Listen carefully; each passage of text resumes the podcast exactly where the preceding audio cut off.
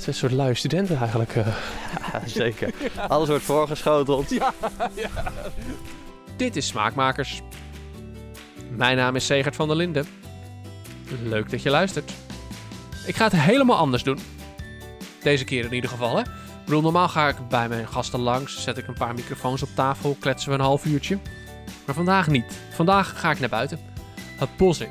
Naar landgoed Zuilenstein bij Leersum om varkens te kijken.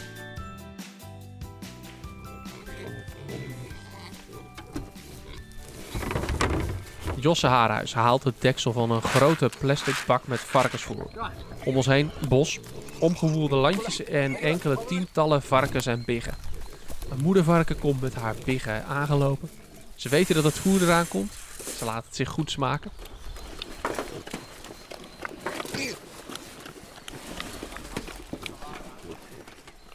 Josse is een varkensboer. Maar geen gewone. Het zijn ook geen gewone varkens, het zijn buitengewone varkens. En dat is niet alleen omdat ze heel veel biggen krijgen. Ondertussen geef Josse Odette ook maar wat eten met 2, 4, 6, 8, 10, 11 lijntjes.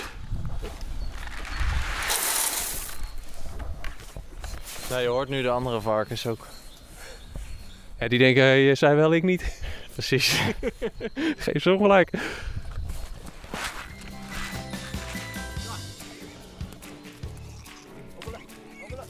Hier lopen dus 11 eh Bonte Bentheimer biggen. Eh, de moeder is dan Bonte Bentheimer en de vader is Turok. En, en dan hebben we daarnaast lopen 9 Berkshire biggen met de zeug. De moeder is dan Berkshire en de vader is dan ook Turok. En, en, en waarom heb je voor deze rassen, waarom deze ras, is dat, dat- die heb je vast niet zomaar gekozen. Ja, die kunnen heel goed buiten en dat wil zeggen dat ze zowel met hele erge kou, dus zeg min 10, we hebben hier biggen achterlopen en die zijn met min 5 geboren gewoon. En die zeugen, ja, die kunnen daar goed tegen. Ehm, en die biggen ook hele robuuste beesten en ze kunnen goed tegen warmte, dus dat is ook weer de andere kant op. En ook kijkende naar het eindproduct wat we uiteindelijk opleveren aan onze klanten. Die willen dit graag. Ja, die willen deze kwaliteit, dit. ehm, je wil ook een beetje, je wil droog vlees hebben eigenlijk. Want in de supermarkt ligt namelijk veel vocht. We willen eigenlijk veel, ja, een wat droger product. Ook voor de rauwe ham en de droge worsten die wij maken. Wil je een droog soort vet.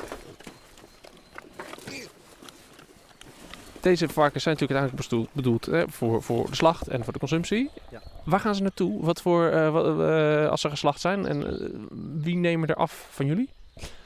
Ja, hier op het landgoed, we zijn op het landgoed Zuiderstein en hier in land, op het landgoed wordt het in de winkel ook verkocht. Ehm, en wij, eh, wij verkopen het aan heel veel restaurants en je kan het bij ons op de website ook eh, krijgen. Ehm, en als je het vlees dan thuis gestuurd krijgt, dan zie je wat voor ras het is en waar het heeft geleefd. staat op alle etiketten, ook voor de traceerbaarheid. Daarmee kunnen wij ook een beetje kijken van, oké, is die kwaliteit dan op de, alle locaties hetzelfde?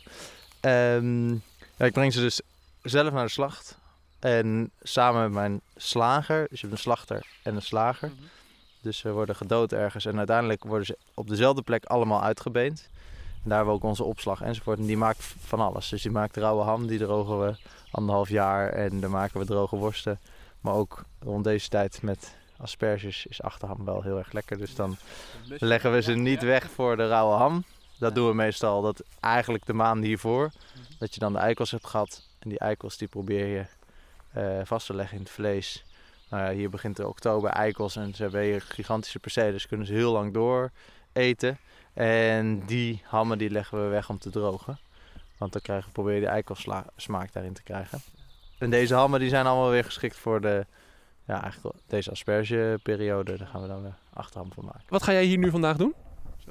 Wat ik vandaag op zo'n dag hier, ehm, ik ga even alle dieren bekijken. Ehm, in die zin dat we kijken of ik geen rare hoest of eh, andere, of dat ik ze mank zie lopen enzovoort. Eh, verder ga ik één varken verplaatsen. En ik ga maandag eh, gaan we hier met een heel, hele groep vrijwilligers gaan we aan de bak. Nieuwe rasters bouwen, water leggen, weet ik het allemaal, hokken sjouwen. En nou ja, dat even voorbereiden.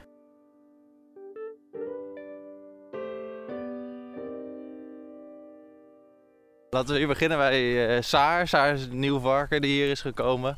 Dus we gaan even naar Saar toe lopen. Kijken hoe het met haar gaat. Oké, helemaal goed. Dus we gaan even het, eh, het landje in. Eh, Een kle- klein draadje. Nou, dat is haalbaar. En daar komt Saar. Is wel lekker een beetje te kauwen. Die zit lekker te smakken. Je ziet van die kleine vogeltjes daar Ja. ook. Ja. Het is wel grappig. Soms zie je dan van die witte vogelpoep op de rug van die vogels. Er zitten die vogeltjes eh, of luisjes van de varkens of weet ik het allemaal lekker op de peus. Dus het is wel grappig. Die werken een beetje samen zo. Net als je denkt in de savanne zijn zo'n grote rund met drie van die vogels.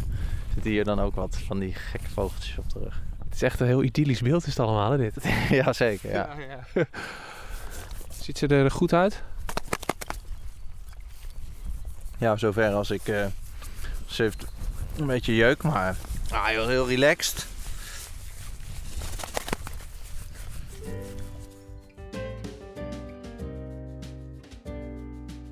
Zo lopen Josse en ik verder over landgoed Zuidenstein. Links en rechts varkens die lekker vroeten, maar sommige landjes zijn leeg. Of tenminste, zo lijkt het. Hier is deze leeg? Nee, hier zitten zeven biggen in en de moeder, als het goed is. Maar liggen lekker binnen. Groot gelijk hebben ze. Ja, ik kan wel zeggen, het is koud zat. Dat is, wel- dat is het jongste spul. Hier en het perceel daarnaast. Ehm, daar liggen ze allemaal nog binnen eigenlijk. ja. Omdat het dan toch wel een beetje koud is. En het is redelijk vroeg voor varkenslamp. hoor. Oh ja? Zijn dat van die Ah, ja, uitslapers? ik weet niet hoe laat we nu leven ondertussen. Een uurtje of elf zijn, Ja, en meestal om half tien dan, eh, dan is het wel eh, tien uur. Dan komen ze eigenlijk pas echt eruit. Het zijn een soort lui studenten eigenlijk. eh. Ja, zeker. Alles wordt voorgeschoteld. Toch zijn sommige stukken land ook echt leeg. Die blijven braak liggen. Dat is de bedoeling ook van dit hele project. En dit, dit stuk land is nu. We lopen rechts. Rust. Dat, dat heeft rust nu Ja, dus, hè? Waar Saar lopen Dat is ook voor de planning voor rust nu. Maar ja, goed, omdat Saar niet bij. eh, Nee. niet, niet, niet eh, mocht blijven waar ze was. Ja, ja, dus je ziet inderdaad. Het is een soort. Het, het is wat je in de biologische landbouw volgens mij ook ziet. hè. zoveel jaren eh, bebouwen en dan weer een poosje rust houden, toch? ja, precies. Is eigenlijk gewoon een soort van... Dit is eigenlijk een weidingssysteem. Waarmee je dus je bodemdruk daarmee een beetje kan regelen. Omdat je allemaal vakken hebt gemaakt. Dat je wel, niet, wel, niet. Ja. Ja. Ja. En hiernaast lopen we langs een akker. Deze akker die gebruiken we dus ook eh, in bepaalde periodes. Ehm, en meestal in de winter, omdat er dan geen gewas op staat. Dan kunnen ze de gewasresten ruimen, onkruid ja, lekker eh, oppeuzelen en, eh, en uitroeien. En dan vervolgens kunnen ze dat in het begin van het jaar weer inzaaien. Is voor zo'n boer ook lekker. Want in de winter ligt het verder toch braak, het land. Precies, en zo heb je dus eigenlijk wel je land wel, heeft je land wel een bestemming.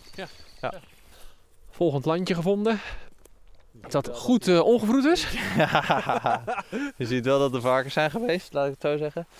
Ehm, je ziet ze niet. Nee. Ik zou zeggen, ze zijn lekker eh, weg. eh.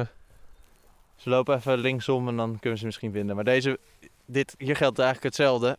Deze varkens gaan dus over anderhalve week naar de slacht. En dit land is dus echt wel aan deze voorkant helemaal, want hier worden ze gevoerd. En waar ze gevoerd worden hebben ze een hogere druk dan waar ze niet gevoerd worden.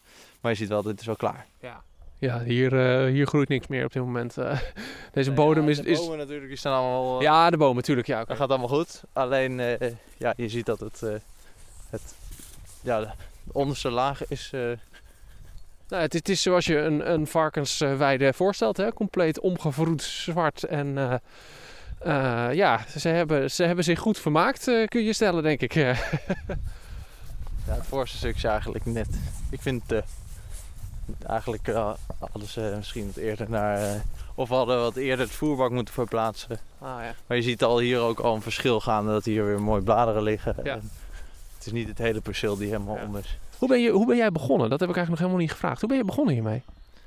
Vier varkens gekocht en die heb ik gevoerd met eh, reststromen van de bakker en van de groenteboer. Dat zijn onbewerkte producten.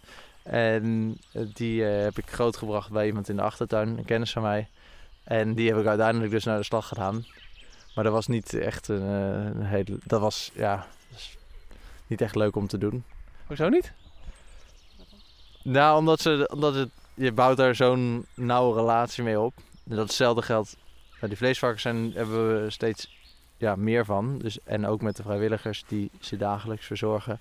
En daar deed ik de dagelijkse verzorging. Dus daar is het toch wat persoonlijker. Dus dat is dan toch hoe dichterbij je staat, hoe moeilijker het wordt natuurlijk. Ja, nee, ja. denk het wel. Het klinkt natuurlijk allemaal ontzettend idyllisch. Lekker lopen door het bos, varkentjes die vroeten, biggetjes die rondscharrelen. Heerlijk. Maar toch, het grootste deel van deze varkens is gewoon bestemd voor de slacht en de consumptie. En dat heeft gevolgen. Ook hier, bijvoorbeeld voor de namen van de varkens. Alle zeugen, alle vrouwtjesvarkens, hebben een naam. De biggen niet. En dat heeft een reden, vertelt Jos. De moederdieren die we dan hebben, daarmee bouwen die vrijwilligers echt een band op. Daar kunnen ze ook echt een band mee opbouwen. De vleesvarkens gaan natuurlijk allemaal weg. Eh, dus daar bouwen ze wel een band op, maar daar kunnen ze niet zo'n robuuste band. Dan moeten ze weer loslaten, dus dat is natuurlijk altijd een dingetje. En dat is logisch. Als je vlees eet, dan moet er uiteindelijk een dier voor dood gaan. Ehm, en eh, ja, hier proberen we die verbinding een beetje te maken tussen dat voor een stukje vlees ook een dier geleefd heeft. Ehm, want als je een stukje vlees uit de supermarkt pakt, dan heb je dat eigenlijk helemaal niet meer door. Want het kipfiletje is al zo kant en klaar. Lekker in een folietje, lek velletje eronder. Precies, ja.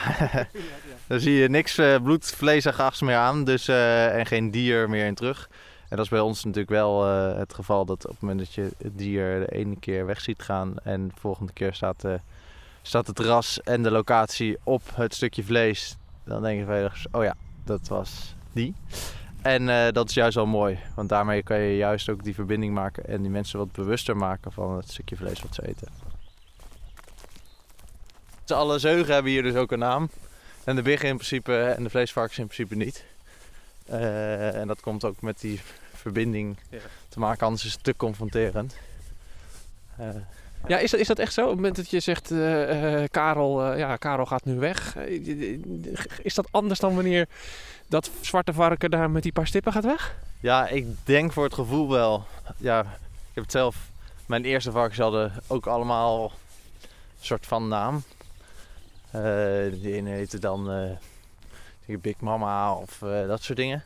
En ehm, ja, dan is het, eh, dat is wel lastig. Ja. Als je die verbindenis maakt. Maar als de zeugen bij me weggaan, dan vind ik dat ook niet echt eh, leuk. Want die heb je toch zo lang eh, gehad. Die kunnen in principe hier zo vijf jaar blijven. Of misschien wel tien jaar. Ja. We hebben zeugen die eh, nu, volgens mij wordt die elf dit jaar.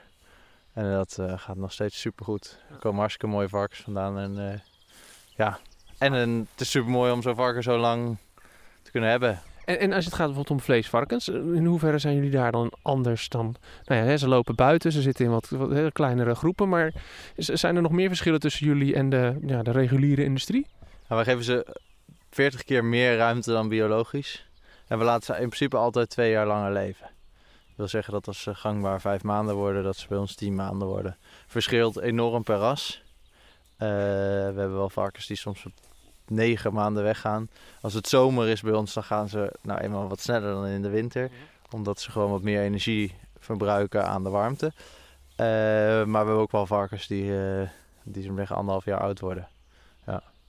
En dat, in de industrie kan dat gewoon niet, want dat is dan te duur. ja, die varkensplaatsen die zij dan allemaal hebben in de stal, die zo efficiënt mogelijk eh, ja, gebruiken. En bij ons ligt dat allemaal niet zo heel nauw. Wij zijn een grondgebonden bedrijf, dus dat wil zeggen dat wij, hoe meer varkens we hebben, hoe meer grond wij nodig hebben. En door in plaats van op één locatie te groeien, zoeken we dan een nieuwe locatie waar we weer varkens erbij kunnen houden, die daar weer een bestemming hebben. Slacht is natuurlijk ook wel een, een, een, issue. De mensen die, die denken gelijk bij de slacht, dat is heel heftig. Hoe, hoe doen jullie dat ook weer anders dan in, in de grote industrie? Ehm, het is een kleinschalige slachter waar wij mee samenwerken. Dat wil zeggen dat alle, ja, dat daar kleinschalig wil zeggen, ik, ik weet niet hoeveel varkens hij precies doet, maar ik denk 50 in de week of zo.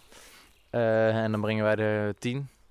Ehm, ja, daar krijgen ze allemaal een eigen hok. En dan eh, de dag van tevoren brengen we ze, kunnen ze een nachtje slapen, kunnen ze tot rust komen. En dan worden ze daar eh, één voor één gedood met stroom. Ja, ja. Dus ze krijgen ze, precies. Ja. En dan, dan gaan ze om. Ze, blijven daar een nachtje. Dat is, je zegt dat tot, rust. Dat is ook gewoon weer goed voor het vlees, denk ik uiteindelijk. Uiteindelijk voor de vleeskwaliteit is dat ook zo, ja. En waar we mee bezig zijn is een mobiel slachthuis. En dat is, eh, dat is in wording, daar zijn we al heel, heel lang mee bezig. Maar eh, ehm, om uiteindelijk hier op deze locatie ook te kunnen slachten. Dus dat wil zeggen dat ik met de varkens, wij lopen ook wel met varkens hier over het landgoed. Dus die brengen we dan te voet naar een ander perceel. Het zou wel mooi zijn om ze dan straks te voet naar de trailer te brengen. En ze in de trailer te laten wachten. En dan worden ze daar eigenlijk één voor één eh, omgelegd. En dat is wel heel mooi om te zien. Eh, we hebben ook wat andere slachthuizen. En daar kom ik dan meestal net voordat ze ge- gedood worden. Dus dan kunnen ze eigenlijk vanuit de trailer in het vak lopen waar ze gedood worden. En daar pikken ze eigenlijk de varkens tussenuit. En als zo'n varken gedood wordt in het vak, dan heeft de rest het niet eens door. Ze maken geen geluid enzovoort. Het varken valt gewoon om. En ze zijn zo benieuwd op dat nieuwe vakje en dan zijn ze allemaal aan het snuffelen. Dat ze eigenlijk niet eens doorhebben dat ze da- daar... Klinkt wel een klein beetje cru, als je het zo zegt. Ze zijn zo nieuwsgierig en blij en ze hebben een nieuw vakje en dan paf.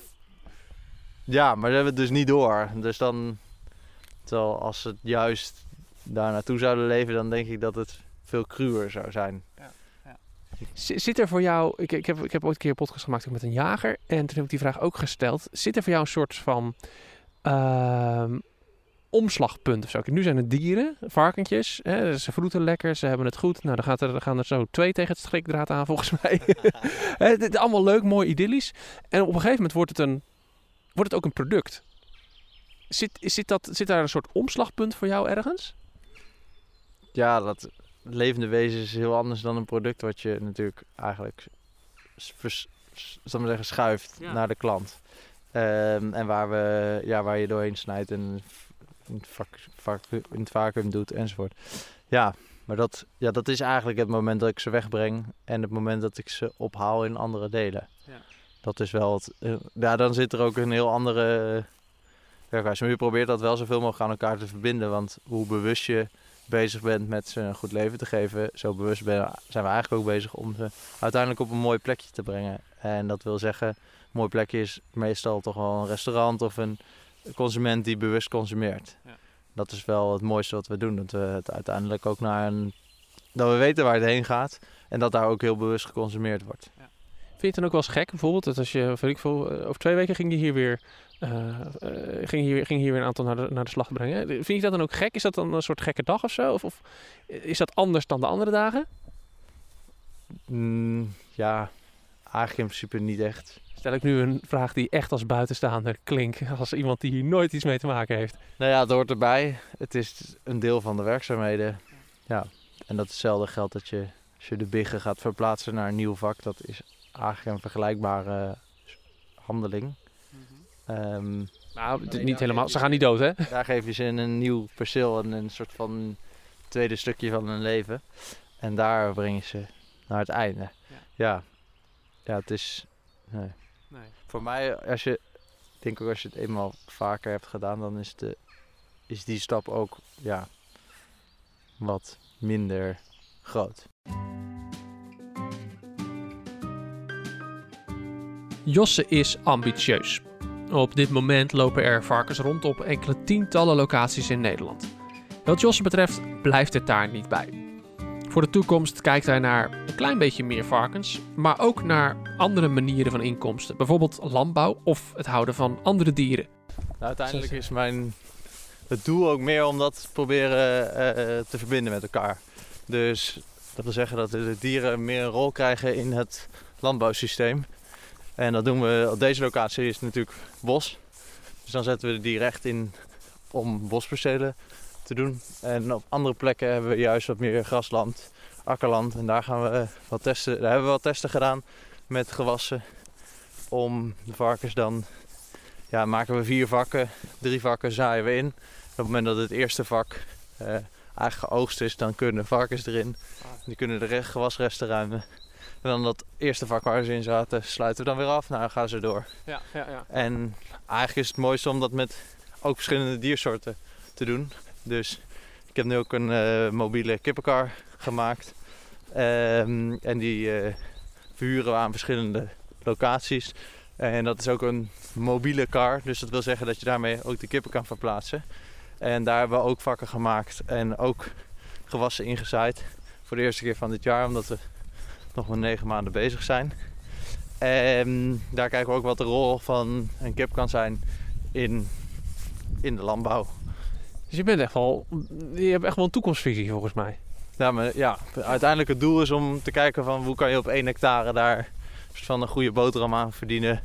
Door niet van één, van één product een inkomsten eh, te krijgen, zou ik maar zeggen. Ja. Dus ook van de eieren, ook van de gewassen die eraf komen en het stukje vlees wat je krijgt. Maar eigenlijk dan die kip en varken te gebruiken om dat land te bewerken. Dus dan worden het eigenlijk de tractoren op het land. De varken ploegt het om, eh, ruimt gewasresten.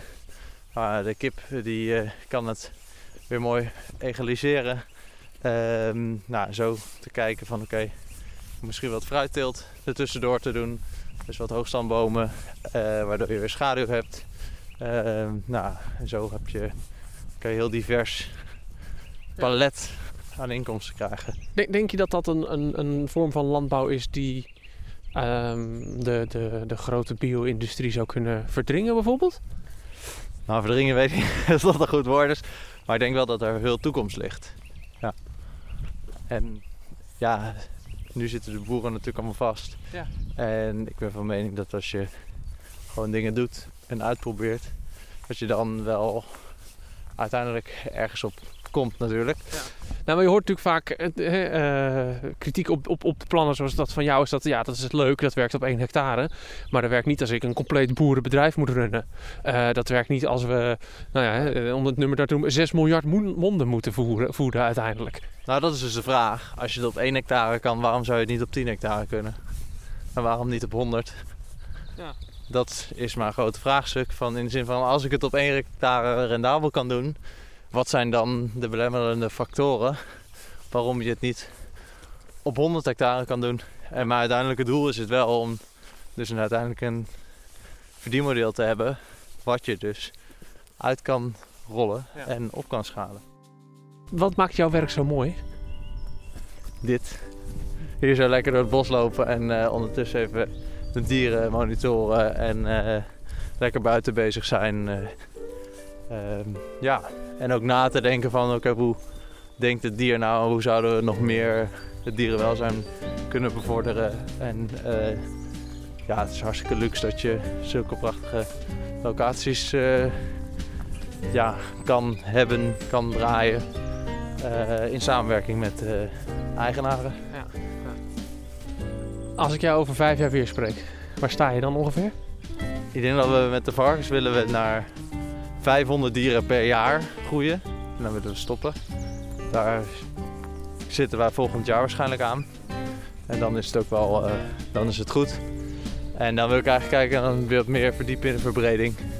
Dus dan denk ik ook dat we, ja, ehm, ik denk dat het dan een, een heel compleet plaatje aan jou kan laten zien van eh, niet alleen een varken wat in het bos zit, maar ook een totaal, eh, ja, totaal model. Ja. Wat mogelijk misschien al draait.